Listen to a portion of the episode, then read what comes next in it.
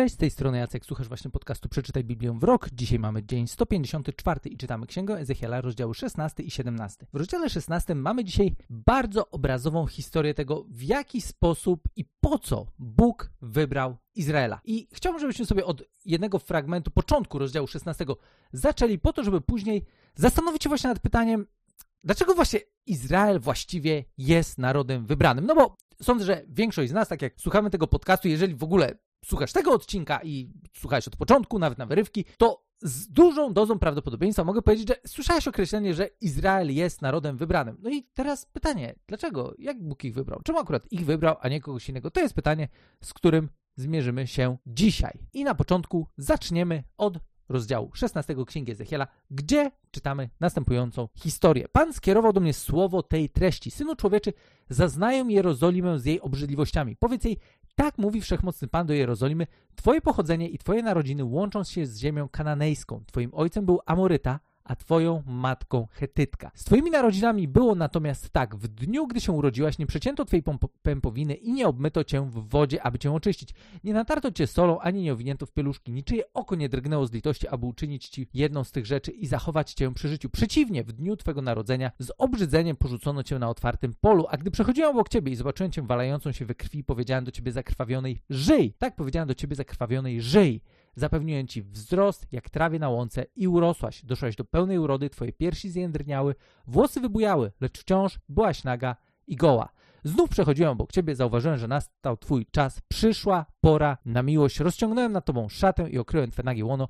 Złożyłem ci przysięgę i zawarłem przymierzę z tobą. Oświadcza wszechmocny Pan i stałaś się moją. I dalej czytamy, w jaki sposób Bóg wyróżnił swoją wybrankę na tle innych narodów, jak ją przyodział, jak jej dał wszystko, co jej było potrzebne. I w wersecie 15 dalej czytamy bardzo ważne słowa, które są takim punktem zwrotnym tego opisu. Ty jednak zaufałaś swojemu pięknu, dzięki swojej sławie zaczęłaś cudzołożyć. I dalej w tym rozdziale mamy bardzo znowu wyraźny obraz tego, jak to wyglądało, z czym wiązało się owo cudzołóstwo. I teraz, jedna rzecz, która jest dosyć ważna na początek. Jeżeli słuchasz tego podcastu, to pamiętaj o tym, że Biblia nie jest książką dla dzieci, więc pewna dyskrecja jest wskazana. No bo kiedy przeczytalibyśmy ten opis, który mamy w Ezechiela w 16 rozdziale, no to zdecydowanie nie jest to materiał dla dzieci. Więc pamiętajcie o tym, jeżeli słuchacie tego podcastu i mm, słyszałem też o osobach, które słuchają z dziećmi, zdecydowanie Biblia nie jest książką dla dzieci. No, zwyczajnie, to jest naprawdę poważna lektura i nie mówię o tym, że wiara nie jest dla dzieci, tylko że tą wiarę należy dawkować w sposób, który dla dzieci jest właściwy. Tyle jeśli chodzi o kwestie dzieci i sądzę, że jeżeli przeczytaliście w całości 16 rozdział Księgi Ezechiela, to wiecie o co mi chodzi. I teraz, kiedy czytamy ten opis, to z jednej strony on daje nam ciekawy wgląd w to, jak Bóg zapatrywał się w ogóle w swoją relację z Izraelem. I teraz chciałbym, żebyśmy dzisiaj zrobili sobie taką małą powtórkę z tego, co takiego działo się już w historii, z kilku takich przełomowych momentów, żebyśmy też byli w stanie odpowiedzieć sobie na pytanie, dlaczego właśnie Izrael jest narodem wybranym, skoro oni w ogóle tak spieprzyli. No naprawdę, brutalnie. To, to jest dramat. W jakim miejscu historii dzisiaj jesteśmy? Czytając księgę Ezechiela, dużo tych historii mamy już za sobą. Czytaliśmy Izajasza i czytaliśmy Jeremiasza i w ogóle to, co Izraelici wyprawiali, też księgi królewskie, też były całkiem ciekawe i to, jacy, jacy ci królowie byli e, nieudani, e, ten czy nieudani, no byli jacy byli, tak? I żyli jak żyli i niestety nie byli oni dobrym przykładem. No i w tym wszystkim możemy ciągle naprawdę zadawać sobie pytanie, dlaczego akurat oni? Nie mógł Bóg wybrać sobie kogoś innego. I teraz zaczynamy od tego. Po pierwsze, Bóg wybrał jednego gościa i jedną rodzinę. To była pierwsza kwestia. Bóg nie wybrał Izraela od razu. To nie jest tak, że Bóg e, pomyślał sobie, o, ba, o, tu taka fajna ekipa, wezmę ich, wybiorę, bo oni mi się e, podobają. To do tego jeszcze przejdziemy. W pierwszej kolejności Bóg nie wybrał narodu. W pierwszej kolejności Bóg wybrał jedną osobę. I jakby konsekwencją tego była też e, cała rodzina. I czytaliśmy o tym w Księdze Rodzaju w 12 rozdziale, gdzie jest napisane, że Pan powiedział do Abrama, wyjdź ze swojej ziemi, zostaw swoich krewnych i dom swojego ojca i idź do ziemi, którą ci wskażę, a wywiodę z ciebie wielki naród i będę ci błogosławił, rozsławię twoje imię, staniesz się mi błogosławieństwem, będę błogosławił błogosławiącym tobie, a gardzącym tobą przeklnę i będą błogosławione w tobie wszystkie plemiona ziemi.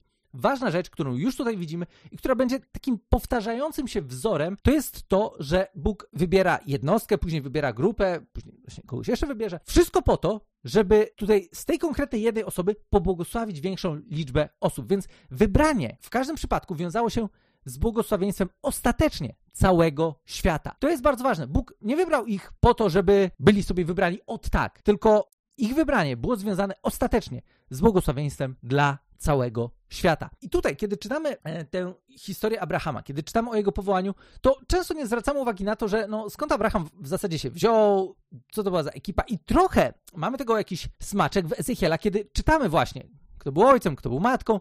I teraz, gdybyśmy sięgnęli sobie chociażby do Księgi Jozłego, do 24 rozdziału, tam mamy też ważny fragment związany właśnie z tą historią wybrania. Bo teraz tak, w, od, w drugim, trzecim, czwartym wersecie Księgi Jozłego w 24 rozdziale mamy napisane następujące słowa. Wówczas Jozue powiedział do wszystkich zebranych, tak mówi Pan Bóg Izraela, wasi ojcowie, Terach, ojciec Abrahama i Nachora, mieszkali dawno temu za rzeką i tam służyli innym bogom. Wtedy sprowadziłem waszego ojca Abra Abrahama za rzeki i prowadziłem go po całym Kanaanie, pomnożyłem jego potomstwo, dałem mu Izaaka, a Izaakowi dałem Jakuba i Ezawa, Ezawowi oddałem w posiadanie góry Seir, a Jakub wraz z synami powędrował do Egiptu. I teraz ważna rzecz, dla której ten akurat fragment chciałem przeczytać, jest taka, że my tu wyraźnie widzimy, że Abraham pochodził generalnie z pogańskiej rodziny. To nie jest tak, że my mówimy tutaj o wybraniu, które wiąże się jakkolwiek z tym, że mm, Abraham, tak w cudzysłowie powiem, wiecie, był dobry chłopak z wierzącej rodziny. No, no właśnie nie. Czyli widzimy, że Abraham w jakiś sposób wyróżnił się w Bożych oczach, on to udowodnił za swojego życia, że mm, warto było jego akurat wybrać, jeśli chodzi o jego wierność względem Boga. To jest ważna kwestia, ale to, co tutaj widzimy. To była generalnie pogańska rodzina. To nie jest tak, że Bóg, wiecie, wybrał sobie właśnie fajnego chłopca z fajnej rodziny. No właśnie nie. I teraz, dalej w tym opisie, w takim telegraficznym skrócie, zobaczyliśmy to, że no w zasadzie ta rodzina Abrahama ostatecznie wylądowała w Egipcie. No i co w Egipcie się działo? Zapraszam do lektury Księgi Wyjścia, tam możemy sobie trochę poczytać o tym, co takiego w Egipcie się działo, szczególnie na początku, i później czytamy o tym, w jaki sposób Bóg wyprowadził już nie jedną rodzinę, ale cały naród. Tak bardzo się rozmnożyli, że już z jednej rodziny zrobił nam się cały naród, który Bóg wyprowadził i właśnie po co.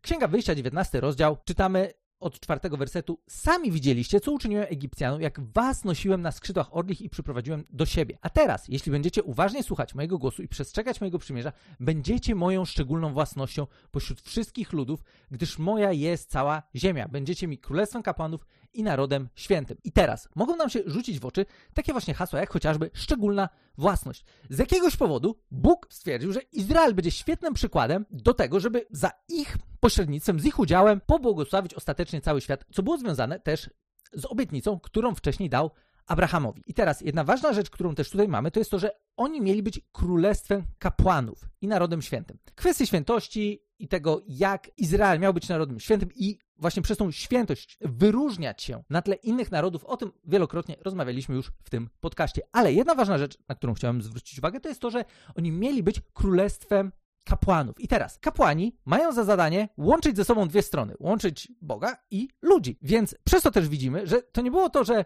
oni mieli być królestwem kapłanów dla siebie samych, tylko tak naprawdę oni będąc w tej roli tego tak zwanego, nazwijmy sobie, królewskiego kapłaństwa czy królestwa kapłanów, mieli być tymi, którzy ostatecznie będą łączyć inne narody z Bogiem. To była ich misja. Dlaczego akurat taka misja?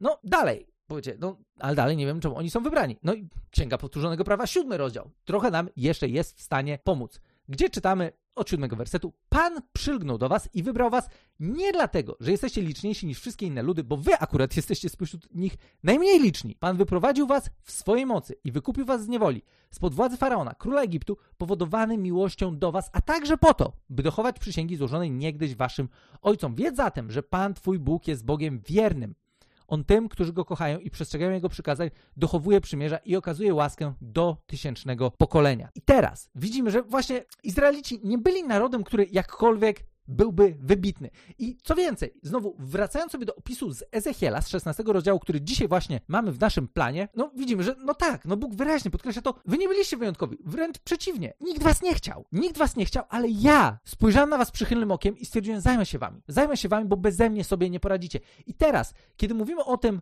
że Izraelici są narodem wybranym, że Bóg ich wybrał, to pamiętajmy o tym. Bóg ich wybrał do bardzo konkretnego celu, do tego, żeby przez nich, za ich pośrednictwem, doprowadzić do pojednania z Bogiem całego świata. I to się wydarzyło przez znowu jedną osobę z tego konkretnego narodu, przez osobę Jezusa Chrystusa, Mesjasza, którego Izraelici przez w zasadzie wieki oczekiwali i który też był zapowiadany w pismach właśnie Starego Testamentu. I teraz zaczęło się od rodziny, później był naród, a skończyło się na tym, że z tego narodu Bóg wybrał jedną wyjątkową osobę, przez którą pobłogosławił cały świat. Taki ciąg mniej więcej widzimy w tej całej historii. I teraz, patrząc na Izraela, to nie jest tak, że Izrael dla nas dzisiaj mógłby być jakimś szczególnie przykładem tego, jak fantastycznie się zachowywać. No bo widzimy, że no nie, no, ni no niestety, niestety nie. Choć mieli szansę, mieli potencjał, mieli wszystko, co było im potrzebne do tego, żeby rzeczywiście być dobrym przykładem dla innych, żeby też swoim życiem pokazać, jaki jest Bóg, no to okazuje się, że tutaj ponieśli ogromną klęskę. Niemniej jednak, to co jest dużo ważniejsze,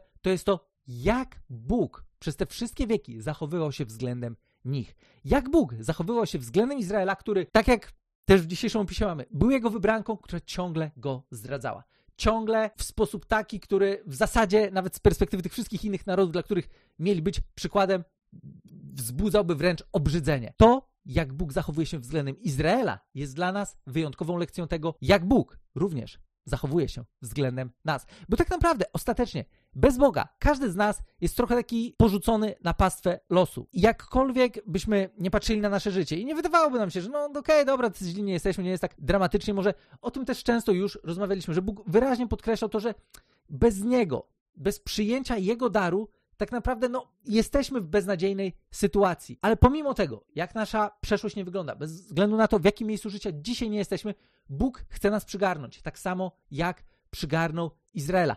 Po to, żebyśmy my, będąc wybrani przez Boga, również mogli być błogosławieństwem dla innych. To tak naprawdę jest ten cykl błogosławieństwa, który bardzo wyraźnie widzimy w całej Biblii. Błogosławieństwo nie jest po to, żeby ktoś się z tego, jedna osoba, żeby się z tego cieszyła, żeby źródłem tego błogosławieństwa była tylko i wyłącznie osoba, która jest przez Boga błogosławiona. Ale tak naprawdę błogosławieństwo jest po to, żeby za jego sprawą błogosławić innych.